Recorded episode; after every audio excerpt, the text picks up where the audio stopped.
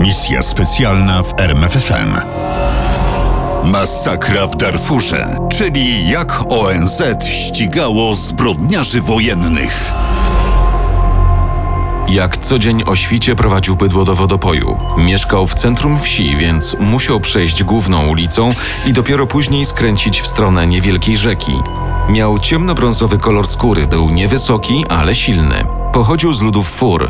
To w prowincji Darfur mieszkali jego przodkowie i tu mieszkał i on wraz z rodziną, starą już matką, żoną i trojgiem dzieci. Był hodowcą bydła, a to znaczyło, że potrafił je oporządzić pod każdym względem, od dojenia mleka poczynając, a na pracę rzeźnika kończąc. Wszystkiego nauczył go nieżyjący już ojciec i wszystko, co umiał, zamierzał przekazać swojemu synowi. Jak przyjdzie na to czas? Był już blisko wodopoju, kiedy usłyszał szum. Najpierw pomyślał, że to wodospad, ale zaraz uświadomił sobie, że wodospad jest za daleko. Zatem zastanawiał się, co to tak. Nie umiał tego nazwać. Dopiero parę chwil później zrozumiał, że to odgłos nadjeżdżających samochodów. Wiedział, co to może znaczyć. Czoło oblał mu zimny pot, serce zaczęło bić mocniej. Bał się, a jednak, mimo strachu, pobiegł w kierunku wioski. Przebiegł zaledwie kilkadziesiąt metrów, kiedy zatrzymało go głośne Stój!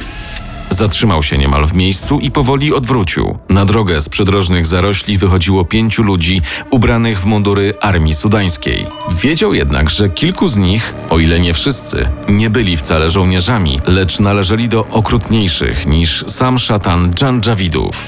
Najpierw dostał kolbą w brzuch. Kiedy upadł na kolana, ktoś uderzył go w twarz raz i drugi. Nie stracił jednak przytomności. Czuł, że go przeszukują. Słyszał, o czym rozmawiają. Wreszcie kazano mu wstać i mimo, że ledwo słaniał się na nogach, poprowadzono go do wioski. Na Majdanie między domami zauważył samochody terenowe i ciężarówki. Przy samochodach na warcie stało kilku żołnierzy. Reszta wywlekała z chat przerażonych ludzi. Spojrzał w stronę swojego domu akurat chwili, gdy wchodziło do niego trzech żołnierzy. Chwilę potem wyszli prowadząc jego matkę i troje małych dzieci. Żony nie wyprowadzono.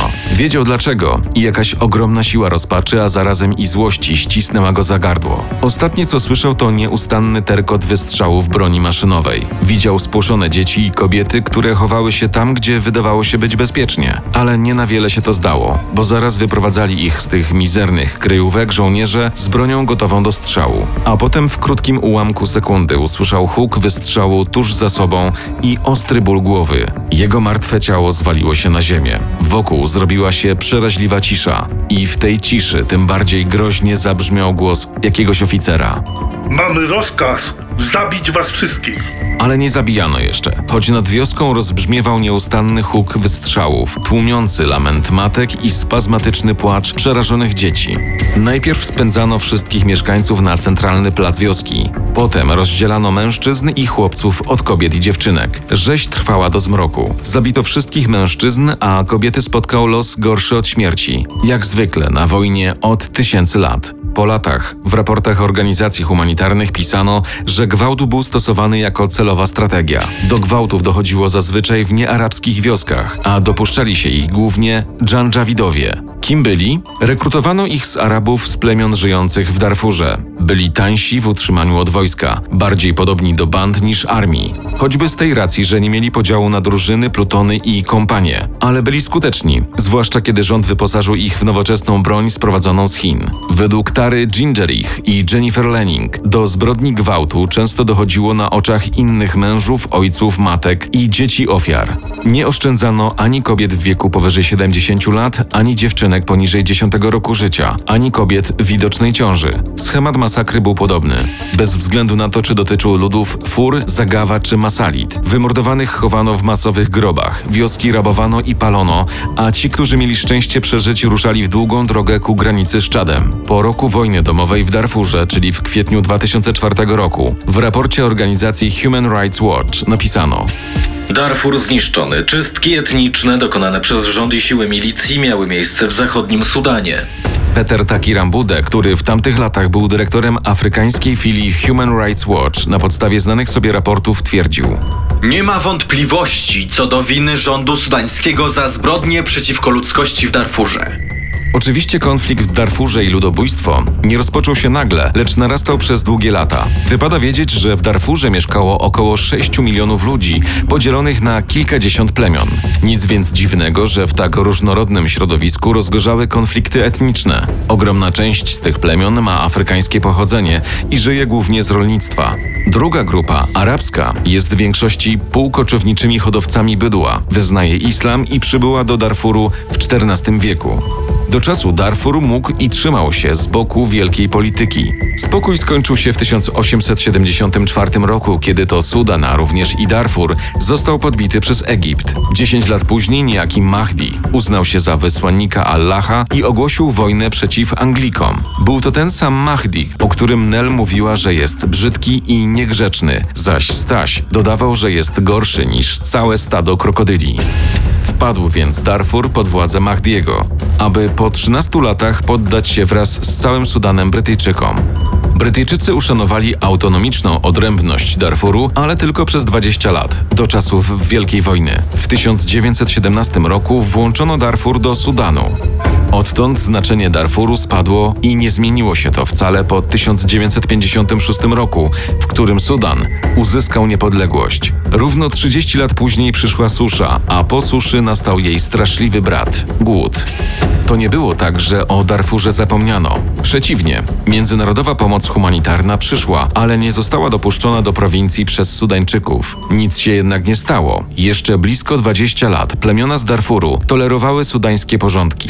Cierpliwość skończyła się w lutym 2003 roku. Dwie organizacje militarne Sudan Liberation Army i Justice and Equality Movement rozpoczęły ataki na posterunki policyjne i transporty wojskowe. Pod koniec marca opanowano miasto garnizonowe przy granicy z Czadem z pełnymi magazynami broni i zaopatrzenia. Ta zdobycz pozwoliła rebeliantom rozpocząć serię skutecznych ataków na sudańskie posterunki policyjne. 25 kwietnia 2003 roku o wpół do szóstej rano rebelianci wpadli do Al-Fashir i zaatakowali niespodziewający się ataku garnizon w bazie lotniczej.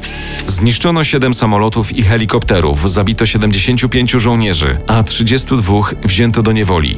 Wśród jeńców znalazł się dowódca bazy w stopniu generała. Atak na Al-Fashir był punktem zwrotnym wojny zarówno pod względem militarnym, jak i psychologicznym. Siły zbrojne Sudanu zostały upokorzone, a później wcale nie było lepiej. Do połowy roku armia przegrała aż 34 bitwy. Wprawdzie były to sukcesy małego kalibru, ale wykazały niekompetencje oficerów. Dlatego prezydent Sudanu Omar Bashir powierzył stłumienie rebelii tajnym służbom i Janjawidom. Generałowie i politycy zdawali sobie sprawę z faktu, że wojna prowadzona przez tak brutalne oddziały doprowadzi do masowych naruszeń praw człowieka. I jak już wiadomo, tak było w istocie. O pierwszych czystkach etnicznych na ludach Fur, Zagawa i Masalit poinformowało BBC w listopadzie 2003 roku. A potem świat dziennikarski obiegła kolejna tragiczna informacja. Rząd Sudanu zamyka w więzieniach, a nawet zabija świadków zbrodni, ukrywa dowody masakr i zataja miejsca masowych grobów. Dziennikarze szukających świadków i odpowiedzi na trudne pytania straszono lub utrudniano im wykonywanie pracy, a tych bardziej aktywnych zamykano do aresztu pod różnymi, często fikcyjnymi zarzutami. Niewiele lepiej było z wolontariuszami i aktywistami organizacji humanitarnych, którzy chcieli przeprowadzić badania wśród populacji Darfuru. Dlatego chwycono się innego sposobu. W lipcu 2004 roku rozpoczęliśmy ograniczone dochodzenie, wysyłając zespół do obozów dla uchodźców w Czadzie, aby porozmawiać z uchodźcami i wysiedleńcami. Mówił sekretarz stanu USA Colin Powell. Zespołowi udało się przeprowadzić wywiady z 1136 osobami. To nie była duża liczba, zważywszy na fakt, że według szacunków ONZ wysiedlono ponad 2 miliony ludzi. Wywiady te wykazały Mówił dalej Powell. spójny i powszechnie stosowany wzór okrucieństw. Zabójstwa, gwałty, palenie wiosek popełniane przez dżandżawidów i siły rządowe wobec mieszkańców wiosek. A jednak, mimo tej wypowiedzi sekretarza stanu, Amerykanie niechętnie angażowali się w konflikt w Darfurze. Po pierwsze, mieli wówczas na głowie Irak i Afganistan, a jak wiadomo, w tych krajach sytuacja nie układała się po ich myśli. Wysyłanie wojska do kolejnego muzułmańskiego kraju mogło przynieść zabójcze skutki dla prezydenta Busha, a przecież zbliżały się wybory prezydenckie. Obawiano się jednak nie tylko przekreślenia szans na reelekcję, ale licznych demonstracji, Mówiąc wprost, bezpieczeństwo ludności musiało ustąpić przed interesem politycznym republikanów. Dlatego dopiero na początku 2006 roku, trzy lata po rozpoczęciu wojny, Bush zainteresował się Darfurem. Na razie zaproponował wysłanie do Darfuru misji pokojowej ONZ i wprost powiedział, że za to ludobójstwo odpowiada rząd Sudanu. Zapowiedział więc zaostrzenie sankcji gospodarczych nałożonych na Sudan to raz i dwa wprowadzenie w życie uchwały Rady Bezpieczeństwa ONZ, między innymi o zakazie lotów sudańskich samolotów wojskowych nad Darfurem. I to jak na razie było wszystko. Według Rebeki Frey, społeczność międzynarodowa przyjęła w sprawie Darfuru takie samo stanowisko jak w przypadku ludobójstwa w Rwandzie. To znaczy ograniczono się zaledwie do obserwowania tych tragicznych wydarzeń i kilku not dyplomatycznych wyrażających zaniepokojenie. Nie ma co ukrywać, że ta pasywna postawa ośmieliła prezydenta Sudanu do dalszego działania. Zresztą Bashir miał wówczas potężnego protektora. Według Nicolasa Christopha, dziennikarza New York Times, Sudan chroniły Chiny, główny dostawca broni dla armii sudańskiej. A jednak nie obyło się bez interwencji Stanów Zjednoczonych. Najpierw do Hartumu przyleciał sekretarz stanu USA Colin Powell. Spotkał się z prezydentem Bashirem i nalegał, aby po pierwsze zakończył wojnę domową, a po drugie zgodził się na wpuszczenie pomocy humanitarnej do Darfuru. Trzy dni później w tej samej sprawie przyjechał do Sudanu Kofi Annan, ale sekretarz generalny ONZ naciskał również na natychmiastowe rozbrojenie bojówek Dżandżawidów. Prezydent Bashir nie usłuchał tych próśb, czy może raczej poleceń, i doczekał się reakcji ONZ. 31 lipca 2007 roku przyjęto rezolucję nr 1769 Rady Bezpieczeństwa ONZ, w wyniku której do Darfuru planowano wysłanie misji pokojowej w sile 17 tysięcy żołnierzy. Ale Sudan nie zgodził się na taką ekspedycję, a prezydent Bashir kazał ogłosić, że siły pokojowe w Darfurze będą uznane za najeźdźców. Następnego dnia zaczęła się kolejna ofensywa armii sudańskiej. Wojna trwała dalej. Wobec tego ONZ zaatakowało ponownie. Oczywiście według preferowanych przez siebie reguł. Tym razem wyręczając się Międzynarodowym Trybunałem Karnym. W dniu 14 lipca 2009 roku MTK wydał akt oskarżenia na prezydenta Sudanu Omara Bashira za zbrodnie przeciwko ludzkości oraz za kierowanie ludobójstwem. W dokumencie oskarżenia wymieniono pięć rodzajów zbrodni: morderstwo, eksterminacja, przymusowe wysiedlenia, tortury i gwałt. Dodano do tego dwa rodzaje zbrodni wojennych: grabieże i ataki na ludność cywilną. W dniu 12 lipca 2010 roku MTK wydał nakaz aresztowania Bashira i sześciu ministrów. I nic się nie stało. Prezydent Bashir podróżował do krajów afrykańskich tak samo swobodnie, jak przed wydaniem wyroku. Odwiedził sąsiedni Czad, Djibouti, Kenię, RPA, a nawet Indie. Sudan nie jest stroną Międzynarodowego Trybunału Karnego i nie będzie respektował jego wyroków. Mówił pewny swojej bezkarności Bashir. Oskarżenie to kwestia polityczna, a Trybunał stosuje podwójne standardy. Dlaczego amerykańscy żołnierze nie są sądzeni za zbrodnie w Iraku i Afganistanie? Pytał retorycznie, a potem dostało się prokuratorowi. Prokurator zachowywał się jak polityk, nie jak prawnik. Kpił dalej z MTK i dalej gnębił Darfur. Przemoc trwała do 2016 roku, kiedy to rząd rzekomo użył broni chemicznej przeciwko ludności w Darfurze, co doprowadziło do wysiedlenia milionów ludzi z powodu skażonego środowiska. A ilu ludzi zginęło w Darfurze? Szacunki są rozbieżne. Kiedy jedne źródła mówią o 200 tysiącach zabitych, inne mówią o 300, a nawet 400 tysiącach. Natomiast prezydent Sudanu Bashir upierał się, że ofiar nie było więcej niż 10 tysięcy. Według zastępcy sekretarza generalnego ONZ w latach 2008-2018 wydano 16 miliardów dolarów na pomoc humanitarną i zaprowadzenie porządku w Darfurze. A jednak, mimo tak ogromnej sumy i tych 17, czy jak mówią inne opracowania, 26 tysięcy żołnierzy misji pokojowych, organizacje międzynarodowe nie spełniły pokładanych w nich oczekiwań.